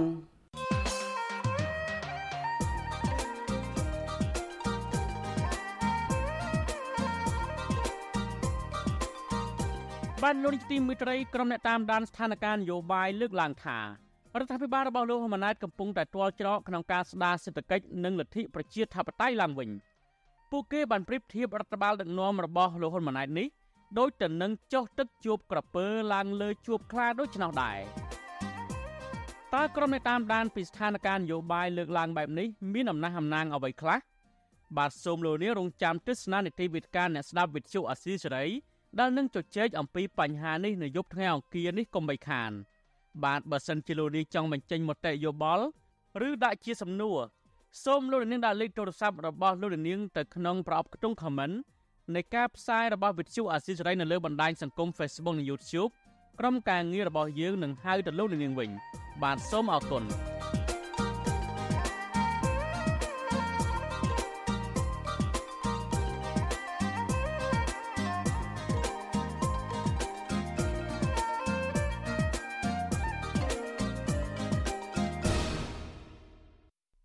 បាទលោកនាយទីមេត្រីនៅខេត្តប្រសេះនោះឯនោះវិញ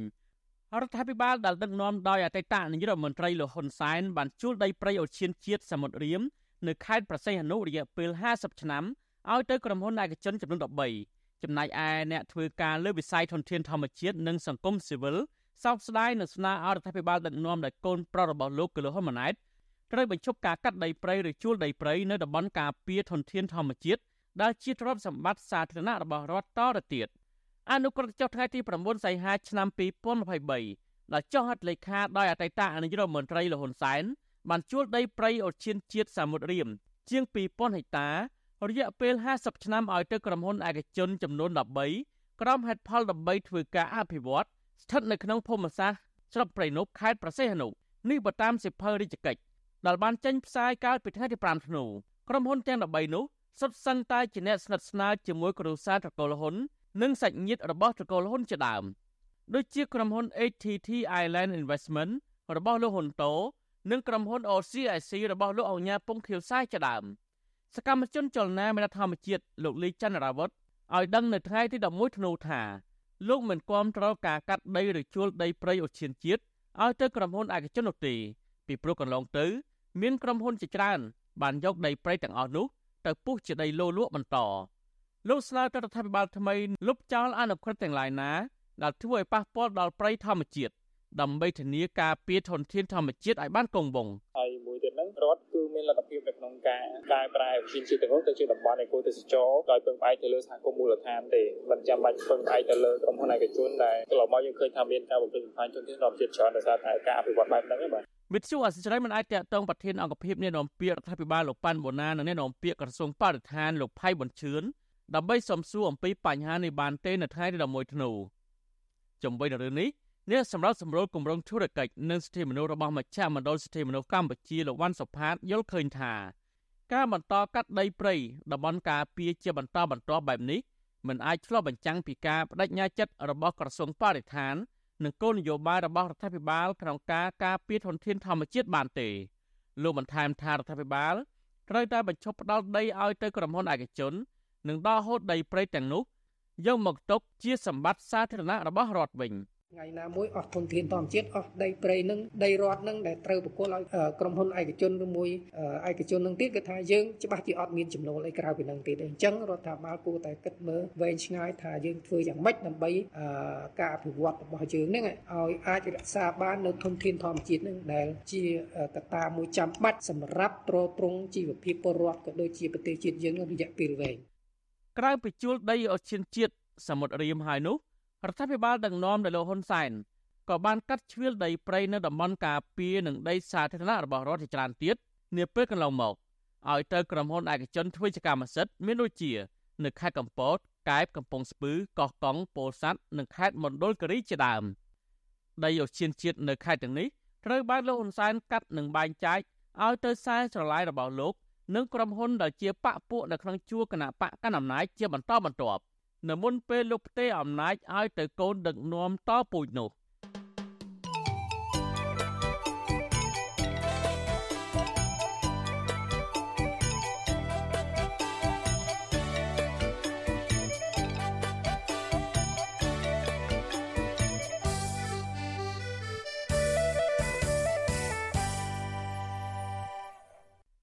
បាទលោកនាយកទីមេត្រីនៅខេត្តព្រៃវិហារឯនោះវិញមន្ត្រីបរិស្ថានខេត្តព្រៃវិហារបន្តរារាំងមិនឲ្យមន្ត្រីអង្គការពន្លកខ្មែរនិងអង្គការអន្តរជាតិចូលទៅទស្សនកិច្ចក្នុងតំបន់ដែនចម្រុះសត្វព្រៃប្ររកាប៉ុន្តែប្រជាសហគមន៍អះអាងថាអាញាធរខេត្តនៅតែបាក់ដៃឲ្យក្រុមជនល្មើសចូលកាប់ព្រៃឈើដោយសេរីជាពិសេសដើមឈើដែលជនជាតិដើមភេតិចគួយដុតយកជ័រទឹកលក់ជាដើមបាទសូមលោកនាងស្ដាប់សេចក្តីរាយការណ៍របស់លោកជីវិតាអំពីរឿងនេះ មន្ត្រីអង្គការពន្លកខ្មែរ2នាក់និងក្រុមការងាររបស់អង្គការដានមីសិន6នាក់ផ្សេងទៀតមកពីប្រទេសដាណាម៉ាបានខកខានក្នុងការចូលទៅធ្វើទស្សនកិច្ចក្នុងដែនជំរកសត្វព្រៃពរកាដើម្បីសិក្សាស្វែងយល់ពីជីវភាពរបស់ពលរដ្ឋដែលអាស្រ័យផលដើមឈើផលិតជ័រទឹកដោយសារមន្ត្រីបរិស្ថានខេត្តប្រៃវិហារមិនអនុញ្ញាតឲ្យចូលនៅថ្ងៃទី11ខែធ្នូក្រុមហេតុផលថាអង្គការពន្លកខ្មែរមិនបានចុះកិច្ចព្រមព្រៀងជាមួយក្រសួងបរិស្ថាន នាយកប្រតិបត្តិអង្គការពន្លកខ្មែរលោកពឹកសុភ័ណ្ឌប្រវិទ្យុអាស៊ីសេរីថាទង្វើរបស់ក្រសួងបរិស្ថានបង្កភាពស្មុគស្មាញដល់សកម្មភាពការពារធនធានធម្មជាតិនោះទំនងជាចង់លាក់បាំងអំពើទុច្ចរិតស្ថិតក្នុងដែនជម្រកសត្វព្រៃប្រហកាដែលកំពុងកើតមានបទល្មើសព្រៃឈើលោកស្នើឲ្យក្រសួងបរិស្ថានពិចារណាឡើងវិញ ចំពោះទង្វើនេះព្រោះអង្គការជាតិនិងអន្តរជាតិមានថវិកាសម្រាប់ផ្ដល់ជំនួយក្នុងការថែរក្សាព្រៃឈើឲ្យគង់វង្ស ជួយរដ្ឋាភិបាល និងប្រជាពលរដ្ឋក្នុងតំបន់ព្រៃការពារ ក្រសួងបរិស្ថានឯកឧត្តមរដ្ឋមន្ត្រីថ្មីគួរតែបង្កើតឱកាសនេះឡើងវិញមកសហការជាមួយអង្គការមិនមែនរដ្ឋាភិបាលទាំងថ្នាក់ជាតិទាំងថ្នាក់អន្តរជាតិពីព្រោះគេមានថវិកាដើម្បីជួយការពារថែរក្សាព្រៃព្រៃរបស់យើងទាំងអស់គ្នាមិនមែនព្រៃរបស់គេទេដូច្នេះគួរតែពិនិត្យមើលឱកាសនឹងអំណោយផលល្អសម្រាប់យើងដើម្បីបានគង់វង្សព្រៃយើងទៅថ្ងៃមុខដែរបាទអង្គការដានមីសិនមកពីប្រទេសដាណឺម៉ាក ជាស្ថាប័នអន្តរជាតិនិងជាដៃគូផ្ដល់ជំនួយដល់អង្គការក្នុងស្រុកមានបេសកកម្មការពារធនធានធម្មជាតិនិងលើកកម្ពស់ជីវភាពសហគមន៍ដែលអាស្រ័យផលព្រៃឈើលោកពឹកសុភ័ណ្ឌបារម្ភថាទង្វើរបស់មន្ត្រីក្រសួងបរិស្ថានប៉ះពាល់ប្រភពជំនួយមួយចំនួន ដែលផ្ដល់តាមរយៈអង្គការក្នុងស្រុកដើម្បីអភិរក្សធនធានធម្មជាតិនិងជីវៈចម្រុះវិទ្យុអាស៊ីសេរីមិនអាចតាក់ទងសុំការបំភ្លឺរឿងនេះពីប្រធានមន្ត្រីបរិស្ថានខេត្តព្រះវិហារ លោកសុងច័ន្ទសុជាតិបាននៅឡើយទេ នៅថ្ងៃទី11ធ្នូដោយទូរស័ព្ទហៅចូលជាច្រើនដង តែគ្មានអ្នកលើកក៏ប៉ុន្តែប្រធានមន្ត្រីរូបនេះបានសរសេរលិខិតផ្ញើទៅនាយកប្រតិបត្តិអង្គការពន្លកខ្មែរលោកពឹកសុភ័ណ្ឌដោយប្រាប់ថាអង្គការពន្លកខ្មែរមិនទាន់ចុះអនុសារណៈជាមួយក្រសួងបរិស្ថាននៅឡើយប្រការនេះមន្ទីរប្រធានខេត្តព្រះវិហារស្នើឲ្យអង្គការនេះត្រូវចុះកិច្ចព្រមព្រៀងជាមួយក្រសួងបរិស្ថាន ជាមុន មុននឹងធ្វើសកម្មភាពក្នុងតំបន់ការពារធនធានធម្មជាតិសមាជិកសមាគមការពារព្រៃប្រះរកាលោកហេតណៃយល់ឃើញថា ទង្វើរបស់ក្រសួងបរិស្ថាន គឺដើម្បីលាក់បាំងបទល្មើសព្រៃឈើនិងភាពមិនប្រក្រតីនៃសកម្មភាពកាប់ឈើខុសច្បាប់ ជាពិសេសការកាប់រំលំដើមឈើផលិតជ័រទឹក ស្របពេលដែលជនល្មើសមុខដដែលដដែលនៅតែអាចមានសិទ្ធិចូលព្រៃកាប់ឈើបាន។ មានកង្វល់ជាច្រើនរឿងព្រៃហ្នឹងឯងព្រោះអីគាត់ការពារមិនបានគាត់អបទុកទៅឯងមិនអោយគេការពារផងអញ្ចឹងទេក្រែងលោកគេចូលទៅឃើញឆ្នាំដែលគាត់ដែលប្រជាពលរដ្ឋយើងមួយចំនួនដែលខលខូចនេះគឺលក់ដើមច្បោះលក់ដើមច្បោះហើយហើយអាដើមច្បោះហ្នឹងអញ្ចឹងទេខ្លាចទៅឃើញឆ្នាំអាហ្នឹងពីមុនពីមុនមកគាត់ត្រូវតែអញ្ចឹងគាត់លាក់បាំងមិនអោយគេឃើញឆ្នាំអាឈើនៅក្នុងព្រៃទេមន្ត្រីសម្របសម្រួលគម្រោងនៃសមាគមបណ្ដាញយុវជនកម្ពុជាលោកអូតឡាទីនយល់ឃើញថា ក្រសួងបរិស្ថានគ្មានឆន្ទៈពង្រីកសហប្រតិបត្តិការការពារធនធានធម្មជាតិដោយមានចែងក្នុងគោលនយោបាយរបស់ខ្លួននោះទេ តែផ្ទុយទៅវិញក្រសួងនេះនៅតែរឹតបន្តឹងអ្នកការពារព្រៃឈើមិនឲ្យចូលព្រៃអភិរក្សធ្វើឲ្យបទល្មើសព្រៃឈើបន្តកើតឡើង តំបន់ព្រៃពេរកាមែនទែនទៅបើសិនជា មន្ត្រីបរិស្ថានធ្វើការទប់ស្កាត់បទល្មើសដូចដែលរារាំងទៅលើសកម្មភាពរបស់សហគមន៍មូលដ្ឋានខ្ញុំជឿថាបញ្ហាបទល្មើសវាមិនកើតមានជាហោហេតុដោយបច្ចុប្បន្ននឹងទេនៅក្នុងតំបន់ពេរកាហ្នឹងណាតែផ្ទុយទៅវិញយកចាត់ទុកដាក់ទៅលើក្រមអ្នកការពារហើយសម្រាប់បញ្ហាបទល្មើសมันមានសមត្ថភាពគ្រប់គ្រាន់នៅក្នុងការទប់ស្កាត់នៅក្នុងការដោះស្រាយមកទល់ពេលនេះ មានរយៈពេលជាង4ឆ្នាំហើយដែលក្រសួងបរិស្ថានបន្តរារាំងមិនឲ្យអ្នកស្រឡាញ់ព្រៃឈើចូលព្រៃអភិរក្សក្រុមហេតុផលមិនសមច្បាប់អនុញ្ញាត និងមិនចុះកិច្ចព្រមព្រៀងជាមួយក្រសួងបរិស្ថានក៏ប៉ុន្តែ នៅពេលក្រមសហគមន៍ការពារព្រៃឈើសុំច្បាប់ចុះល្បាតអាជ្ញាធរនៅតែបដិសេធដដែលខ្ញុំជីវិតាអាស៊ីសេរីបាទលោកនាយកទីមេត្រីតទៅនៅមរណភាពរបស់ថកែក្រុមហ៊ុន Casino NagaWorld វិញ តំណាងកោតក្រនិងសហជីពក្រុមហ៊ុនបនលបែង NagaWorld លើកឡើងថាវាជាអហោសកម្មទៅហើយរវាងពួកគេនិងថកែក្រុមហ៊ុននេះដែលទៅតែទទួលមរណភាពគឺពួកគេមិនចង់គំនុំឬចាត់ទុកថាអស់កម្មពៀនឹងគ្នាបើទោះជាពួកគេថាថកែរំនេះបានរំលោភសិទ្ធិការងាររបស់ពួកគេធ្ងន់ធ្ងរនាពេលកន្លងមកយ៉ាងណាក៏ដោយមន្ត្រីអង្គការសង្គមស៊ីវិលលើកឡើងថារដ្ឋាភិបាលគួរតែដោះស្រាយវិវាទការងារដ៏រ៉ាំរ៉ៃនេះ បើទោះជាតកែក្រុមហ៊ុននេះទទួលអនិច្ចកម្មទៅហើយក្តីបានសូមលោកនាងស្ដាប់សេចក្តីរាយការណ៍របស់លោកមានរិទ្ធអំពីរឿងនេះតំណាងកោតក្រនិងសហជីពក្រុមហ៊ុន Nagawal អភ័យទោសឲ្យថកែក្រុមហ៊ុន Nagawal លោកចិនលីបគង់ដែលបានទទួលអនិច្ចកម្មនៅក្នុងវ័យ75ឆ្នាំដោយសារជំងឺកាលពីថ្ងៃទី8ខែធ្នូកន្លងទៅ តំណាងកោតក្រក្រុមហ៊ុន Nagawal លោកស្រីមុំសវត្ថិនប្រាប់វិសុអាស៊ីស្រីនៅថ្ងៃទី11ខែធ្នូថាលោកស្រីអភ័យទោសឲ្យថៅកែក្រុមហ៊ុន Nagawal ក្នុងនាមជាអតីតបុគ្គលិកម្នាក់បើទោះបីជាថៅកែរូបនេះបានរំលោភសិទ្ធិកម្មករក៏ដោយលោកស្រីបន្ថែមថាកោតកោមិនដែលចាត់ទុកក្រុមហ៊ុនជាសត្រូវនោះទេនឹងស្នើដល់ក្រុមហ៊ុនឲ្យគោរពសិទ្ធិកម្មករនិងដោះស្រាយបញ្ចប់វិវាទការងារ អ្វីដែលគាត់បានរំលោភមកលើពួកបងបងមិនបានគុំគួនហើយអហោសកម្មឲ្យគាត់ឲ្យគាត់បានទៅកាន់ទីស្ងប់សុខអីអញ្ចឹងហើយសង្ឃឹមថាអ្នកដែលស្នងក្រោយហ្នឹងនឹងកុំបន្តល្មើសច្បាប់ទៀតហើយងាកមកគោរពសិទ្ធិកម្មករឲ្យតម្លៃលើកម្មករហើយសំណូមពរទៅកាន់ទីរដ្ឋាភិបាលឥឡូវតកែលែងទៅជាទីប្រឹក្សាអីទៀតហើយព្រោះគាត់បានមរណភាពហើយអញ្ចឹងគួរតែជួយរកដំណោះស្រាយដែលអាចឲ្យកម្មករទទួលយកបានទៅ ចំណែកឯតំណាងសហជីព Nagawal លោកស្រីរីសវណ្ឌីប្រាវិសុអាស៊ីស្រីថាលោកស្រីចូលរួមរំលែកទុក្ខមរណភាពរបស់ថៅកែក្រុមហ៊ុន Nagawal និងអភ័យទោសចំពោះការរំលោភសិទ្ធិការងារនៅក្នុងក្រុមហ៊ុន Nagawal នាពេលកន្លងទៅលោកស្រីបន្ថែមថាគួរទៅដល់ពេលវេលាហើយដែលភាគីក្រុមហ៊ុននិងរដ្ឋាភិបាលដោះស្រាយបទបញ្ចប់វិវាទការងារដ៏រ៉ាំរ៉ៃមួយនេះដែលបានអូសបន្លាយអស់រយៈពេលជិត3ឆ្នាំមកហើយ។ ល្មមដល់ពេលដែលត្រូវដោះស្រាយហើយព្រោះមនុស្សយើងមិនអាចយកស្អីទៅបានជាមួយទេដូចនៅពេលដែលគាត់ស្លាប់នេះអញ្ចឹងបង្ហាញសារមួយថាទោះបីមានលុយរាប់ពាន់លានទោះបីមានអំណាចនឹងអាចធ្វើអីគ្រប់យ៉ាងបាន នៅពេលដែលនៅរស់ហ្នឹងតែនៅពេលដែលគាត់អនិច្ចកម្មទៅបាត់បង់ជីវិតទៅគឺស្អីស្អីទាំងអស់ហ្នឹងគឺគាត់អាចយកទៅជាមួយបានទេ វិសុវអាស៊ីស្រីមិនអាចតាក់ទងប្រធានអង្គភិបអ្នកនាំពាក្យរដ្ឋាភិបាល លោកប៉ែនបូណានិងអ្នកនាំពាក្យក្រសួងកាងារលោកកតាអូនដើម្បីសុំការឆ្លើយតបចំពោះសំណើនេះបាននៅឡើយទេនៅថ្ងៃទី11ខែធ្នូតែទៅនឹងបញ្ហានេះប្រធានគ្រប់គ្រងកម្មវិធីការងារនៃអង្គការសង្ត្រាល់លោកខុនតារ៉ូចូលរួមរំលែកទុកចំពោះថៅកែក្រុមហ៊ុន Nagawal ដែលទទួលមរណភាព លោកបន្ថែមថាក្រុមហ៊ុន Nagacorp មាននៅក្នុងបញ្ជីទីផ្សារភាគហ៊ុននៅទីក្រុងហុងកុងហើយមានកាតព្វកិច្ចមួយដែលត្រូវអនុលោមតាមគោលការណ៍ច្បាប់អន្តរជាតិនៅក្នុងការធ្វើពាណិជ្ជកម្មស្អាតស្អំ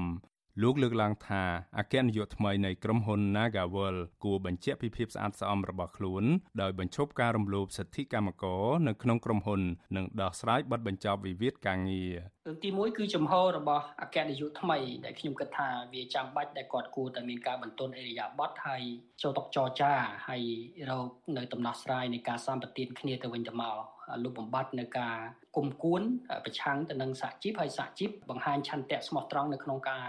លើកកម្ពស់នៅតំណែងវិជ្ជាជីវៈហើយការពារនៅផលប្រយោជន៍ភាគីទាំងសងខាងអាហ្នឹងទី1គឺឆន្ទៈភាគីនឹងឯងក្រោយពីអតីតអគ្គនាយកក្រុមហ៊ុន Nagacorp លោកចិនលីបគង់ទទួលមរណភាពទៅក្រុមប្រឹក្សាភិបាលនៃក្រុមហ៊ុននេះបានតែងតាំងកូនប្រុសរបស់លោកចិនលីបគង់គឺលោកចិនជីហ្វុងឲ្យឡើងកាន់តំណែងជំនួសឪពុក ប្រធានគ្រប់គ្រងកម្មវិធីការងារនៃអង្គការសង្ត្រាល់លោកខុនថារ៉ូថ្លែងថារដ្ឋាភិបាលដើរតួនាទីសំខាន់ជាអ្នកសម្របសម្រួលដើម្បីបិទបញ្ចប់វិវាទការងារនៅក្នុងក្រុមហ៊ុន Nagavel នេះដោយសន្តិវិធី លោកបន្ថែមថារដ្ឋាភិបាលគួរតែបើកលំហសិទ្ធិសេរីភាពជាមូលដ្ឋាន និងសេរីភាពសមាគមស្របតាមអនុសាសន៍របស់អង្គការសហប្រជាជាតិសហភាពអឺរ៉ុបនិងប្រទេសលោកសេរីដទៃទៀតដើម្បីលើកកម្ពស់ការអនុវត្តសិទ្ធិសេរីភាពទាំងនោះឲ្យបានប្រសើរឡើងវិញខ្ញុំបាទមេរិត Visual Asia ស្រីពីរដ្ឋធានី Washington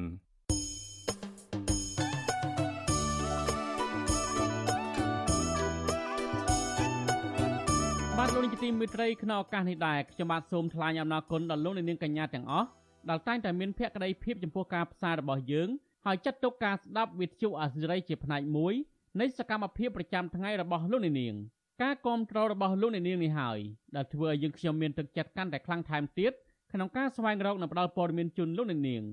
មានអ្នកស្ដាប់មានអ្នកទស្សនាកាន់តែច្រើនកាន់តែធ្វើឲ្យយើងខ្ញុំមានភាពស្វាហាប់មោះមុតជាបន្តទៅទៀតយើងខ្ញុំសូមអរគុណទុកជាមុន ហើយសូមអញ្ជើញលោកនាងកញ្ញាចូលរួមជំរុញឲ្យសកម្មភាពផ្តល់ព័ត៌មានរបស់យើងនេះកាន់តែជោគជ័យបន្ថែមទៀតលោកនាងអាចជួយយើងខ្ញុំបានដោយគ្រាន់តែចុចចែករំលែកឬ share ការផ្សាយរបស់យើងនៅលើបណ្ដាញសង្គម Facebook និង YouTube ទៅកាន់មិត្តភ័ក្តិដើម្បីឲ្យការផ្សាយរបស់យើងបានទៅដល់មនុស្សកាន់តែច្រើន សូមអរគុណ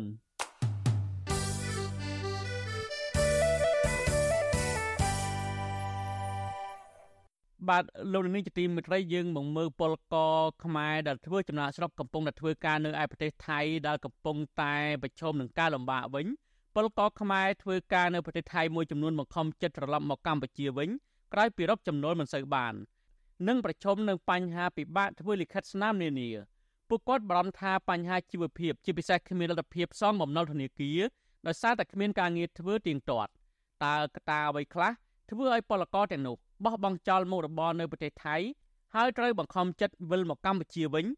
បាទសូមលោកនាងស្ដាប់សេចក្តីរាយការណ៍នេះពឹស្ដាររបស់លោកនៅវណ្ណរិនអំពីរឿងនេះ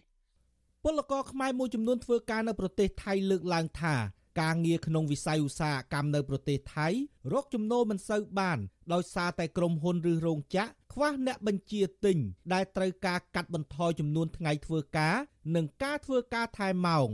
ចំណែកឯពលករក្នុងវិស័យសំណង់វិញ ថាពួកគាត់នៅតែជួបបញ្ហាថៅកែមិនបើកប្រាក់ឈ្នួលឲ្យនិងលក្ខខណ្ឌការងារមិនសូវល្អ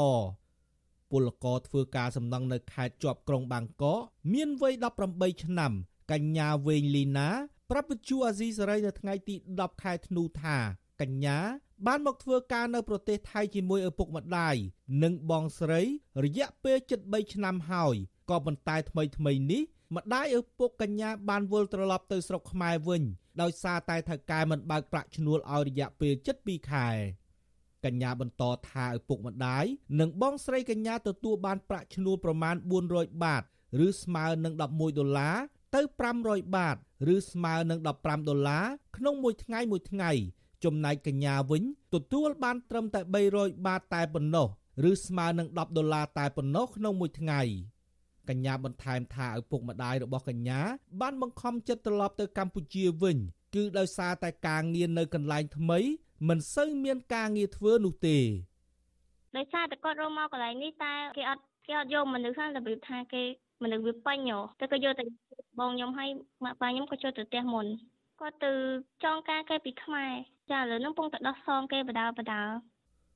ពលករម៉ៅការសំណង់ម្នាក់នៅខេត្តជាប់ក្រុងបាងកក គឺលោកសឿវ៉ាន់ឆៃប្រាប់វិទ្យុអាស៊ីសេរីថាលោកត្រូវបានថៅកែបោកប្រាស់ឲ្យធ្វើការមិនបើកប្រាក់ឈ្នួលឲ្យក្នុងទឹកប្រាក់ជាង60000បាត ស្មើនឹង2000ដុល្លារអាមេរិកលោកបន្ថែមថាប្រសិនបើស្ថានភាព នៅតែលំបាកបែបនេះលោកនឹងវិលត្រឡប់ទៅប្រទេសកម្ពុជាវិញលោកស្នើដល់រដ្ឋាភិបាលឲ្យពន្យាពេលសងប្រាក់ធនាគាររយៈពេល1ឆ្នាំ ដើម្បីសម្រាលបន្ទុកក្នុងគ្រួសារនិងស្ថានភាពវិបត្តិសេដ្ឋកិច្ច បានបានដូចកូននិយាយហ្នឹងល្អពេកដូចថាបញ្ហាជីវិតដែលយើងជាពលករឆ្លងដែនមករស់ស៊ីស្រុកគេជួនណាដេកកាត់ផុកជួនណានេះក៏ដេកត្រាំផុកដូចថាផ្លាស់ការងារមកកន្លែងទៅមកកន្លែងបើសិនណាជាមានដូចថាសកែល្អក៏គេមានដូចថាហងសង្កសីយើងឲ្យយើងដេកទៅហើយបើថាគ្មានទេយើងចាយទៅរកការងារផ្សេងក៏ដេកតង់ទៅកុំសត់ណាកូនដូចថា ឆ្លងដែនជីវិតយើងឆ្លងដែនជាពលករមិនចំណុកទេពិបាកមែនទេចំណែកអតីតពលករវិស័យកាត់ដេរផលិតស្បែកសត្វនៅខេត្តសមុទ្រប្រាកានកញ្ញាកបគំហុងប្រាប់វិទ្យុអាស៊ីសេរីថាកញ្ញាបានវិលត្រឡប់ទៅកម្ពុជាវិញចាប់តាំងពីចុងខែតុលាកន្លងទៅកញ្ញាបញ្ជាក់ថាមូលហេតុដែលកញ្ញាត្រឡប់ទៅវិញនេះដោយសារតែនៅប្រទេសថៃមិនសូវមានការងារធ្វើបើ ថានៅខ្មែរមានមុខរបរមានអីការងារធ្វើស្រួលជាងនៅថៃយើងអត់ធ្វើចំណាយច្រើនថ្លៃផ្ទះថ្លៃទឹកថ្លៃអីហើយនៅថៃវាយើងនៅខ្មែរយើងធ្វើកម្មវិធីពេញអីក៏យើងចំណាយថ្លៃទឹកថ្លៃភ្លើងថ្លៃផ្ទះដែរប៉ុន្តែវាអត់អស់ថ្លៃប៉ាសពតបងហើយប៉ាសពតវាត្រូវ3ផ្នែកអើយរាយការណ៍ទៅខាងប៉ូលីសគេម្ដងឲ្យឲ្យដឹងថាយើងនៅនឹងរាយការណ៍ហ្នឹងយើងអស់លុយទៀត ក្រោយពីថៅកែមិនបើកប្រាក់ឈ្នួលឲ្យពលករធ្វើការសំឡងនៅប្រទេសថៃទាំងនោះពួកគេមិនមានលទ្ធភាពបង់ថ្លៃឈ្នួលបន្ទប់គ្មានលុយផ្ញើទៅឲ្យគ្រួសារនៅឯប្រទេសកម្ពុជា ជាពិសេសនោះគឺគ្មានលទ្ធភាពសងបំណុលធនាគារជាងនេះទៅទៀតពលករមួយចំនួនបង្ខំចិត្តសុំកន្លែងពលករខ្មែរដូចគ្នាក្នុងប្រទេសថៃស្នាក់នៅបណ្ដោះអាសន្នទម្រាំរកបានការងារនិងកន្លែងស្នាក់នៅថ្មី មួយវិញទៀតពលករមួយចំនួនខ្ចីលុយពីបងប្អូន និងសាច់ញាតិបន្ថែម ដើម្បីធ្វើសហយត្រឡប់មកកម្ពុជាវិញពួកគាត់ឲ្យដឹងដែរថាមូលហេតុដែលពួកគាត់ធ្វើចំណាក់ស្រុកនោះគឺដោយសារតែនៅក្នុងតំបន់ដែលពួកគាត់រស់នៅពុំសូវមានការងារធ្វើហើយការធ្វើស្រែចម្ការក៏ខាតបង់ប្រាក់ចំណូលដោយសារតែគ្មានទីផ្សារនិងពុំមានលទ្ធភាពសងបំណុលធនាគារទោះជាយ៉ាងណាពលករចំណាក់ស្រុកទាំងនោះបានត្រឡប់ទៅកម្ពុជាវិញ ពួកគាត់ត្រូវរកលុយសងបំណុលធនាគារដែលធ្លាប់ខ្ចីពីមុន និងបំណុលថ្មីដែលខ្ចីធ្វើសហយត្រឡប់ពីប្រទេសថៃទៅកម្ពុជាវិញវិទ្យុអាស៊ីសេរីពុំអាចតាក់ទងប្រធានអង្គភិបអ្នកណែនាំពាក្យរដ្ឋាភិបាល លោកប៉ែនបូណា និងអ្នកណែនាំពាក្យក្រសួងកាងារលោកកតាអន និងមន្ត្រីស្ថានទូតខ្មែរប្រចាំប្រទេសថៃ លោកផៃឡូន ដើម្បីសុំការឆ្លើយតបជុំវិញបញ្ហានេះបាននៅឡើយទេ នៅថ្ងៃទី10ខែធ្នូដោយទូរស័ព្ទចូលច្រើនដង តែគ្មានអ្នកទទួលកាលពីដើមខែកញ្ញាកន្លងទៅរដ្ឋមន្ត្រីក្រសួងមហាផ្ទៃលោកសសុខាថ្លែងទទួលស្គាល់ថាតម្លៃធ្វើលិខិតឆ្លងដែននៅកម្ពុជា មានតម្លៃខ្ពស់បើធៀបទៅនឹងប្រទេសក្នុងតំបន់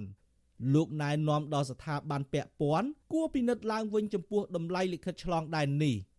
ជុំវិញបញ្ហានេះដែរមន្ត្រីគម្រោងនៃមជ្ឈមណ្ឌលសម្ព័ន្ធភាពការងារនិងសិទ្ធិមនុស្សអង្គការសង្ត្រល់លោកលឹងសុផុនមានប្រសាសន៍ថាចាប់តាំងពីចុងខែតុលាមករោងចក្រនៅក្នុងតំបន់ឧស្សាហកម្មមួយចំនួនក្នុងខេត្តឈុនបុរីនិងខេត្តសមុទ្រប្រការជាដើមមិនសូវមានការងារធ្វើនិងបានកាត់បន្ថយចំនួនកម្មករនៅក្នុងរោងចក្របន្ថយចំនួនថ្ងៃធ្វើការក្នុងមួយសប្តាហ៍ត្រឹម4ថ្ងៃនិងការកាត់បន្ថយការធ្វើការថែមម៉ោងជាដើម លោកបន្ថែមថាជារឿយៗលោកតែងទទួលបានសំណើពីប្រជាពលរដ្ឋឲ្យជួយស្វែងរកដំណោះស្រាយនៅពេលថៅកែក្រុមហ៊ុនមិនបើកលុយឲ្យជាពិសេសពលករក្នុងវិស័យសំណង់លោកលើកឡើងថាការធ្វើឯកសារដើម្បីក្លាយជាពលករស្របច្បាប់ រួមមានទឹកធការការងារលិខិតឆ្លងដែននិងឯកសារមួយចំនួនទៀតនៅប្រទេសថៃ មានតម្លៃថ្លៃដែលជាបន្ទុកបន្ថែមទៀតសម្រាប់ពលករចំណាក់ស្រុក។ យើងដឹងស្រាប់ហើយថាបងប្អូនប្រជាពលរដ្ឋខ្មែរយើងនៅតាមព្រំប្រទល់តែគាត់ឆ្លងដែនមកហ្នឹងសឹងតែថាអ្នកដែលខុសច្បាប់ហ្នឹងវាច្រើនជាងអ្នកស្របច្បាប់ដោយសារតែរឿងប៉ាសពតវាថ្លៃដោយសារតែរឿងឯកសារហ្នឹងវាថ្លៃអីចឹងណាធ្វើឲ្យពួកគាត់នឹងចំណាស្រុកបង្ខំចិត្តចំណាស្រុកដែលខុសច្បាប់ហ្នឹងច្រើននៅពេលដែលគាត់ជួបបញ្ហាប្រឈមក៏ច្រើនចឹងចឹងបើសិនជារដ្ឋាភិបាលគិតគូររឿងហ្នឹងទាក់ទងទៅនឹងការបញ្ចុះតម្លៃយើងអាចធ្វើបានយើងអាចអនុវត្តបានអានឹងវាជារឿងល្អសម្រាប់រដ្ឋាភិបាល ពលករមួយចំនួនក្រោយពីមកដល់កម្ពុជាវិញពួកគាត់បានវិលទៅរកមុខរបរចាស់ជាកសិករវិញឯពលករខ្លះទៀតស្វែងរកការងារនៅទីក្រុងភ្នំពេញ និងប៉ោយប៉ែតជាដើមពលរដ្ឋនិងមន្ត្រីអង្គការសង្គមស៊ីវិលនៅតែទទូចដល់រដ្ឋាភិបាលឲ្យពន្លឿនការចុះតម្លៃលិខិតឆ្លងដែននិងចរចាជាមួយភាគីថៃដើម្បីបញ្ចុះការធ្វើទឹកតការការងារនិងសម្រួលដល់ការរស់នៅរបស់ពលករខ្មែរនៅប្រទេសថៃ។ ខ្ញុំបាទនៅវណ្ណរិន With Chu Azizi Saray ពីរដ្ឋធានី Washington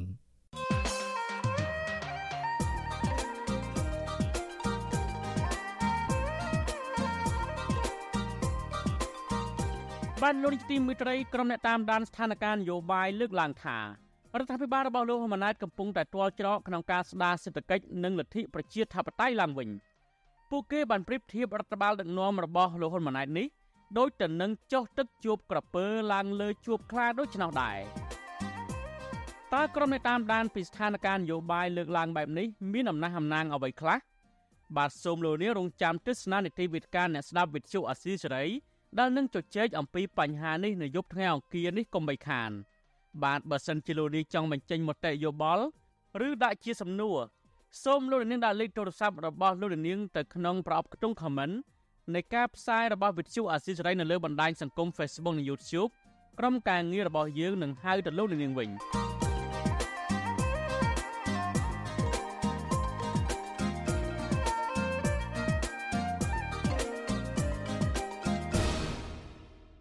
បាទលោកនាងជាទីមេត្រីការផ្សាយរយៈពេល1ម៉ោងនៃវិទ្យុអាស៊ីសេរីជាភាសាខ្មែរនៅពេលនេះចប់តែប៉ុណ្ណេះយើងខ្ញុំសូមជូនពរដល់លោកនាងព្រមទាំងក្រុមគ្រួសារទាំងអស់ ឲ្យជួបប្រកបតែនឹងសេចក្តីសុខចម្រើនរុងរឿងកុំបីឃ្លៀងឃ្លាតឡើយខ្ញុំបាទទីនសាករិយាព្រមទាំងក្រុមការងារទាំងអស់នៃវិទ្យុអាស៊ីសេរីសូមអរគុណនិងសូមជម្រាបលា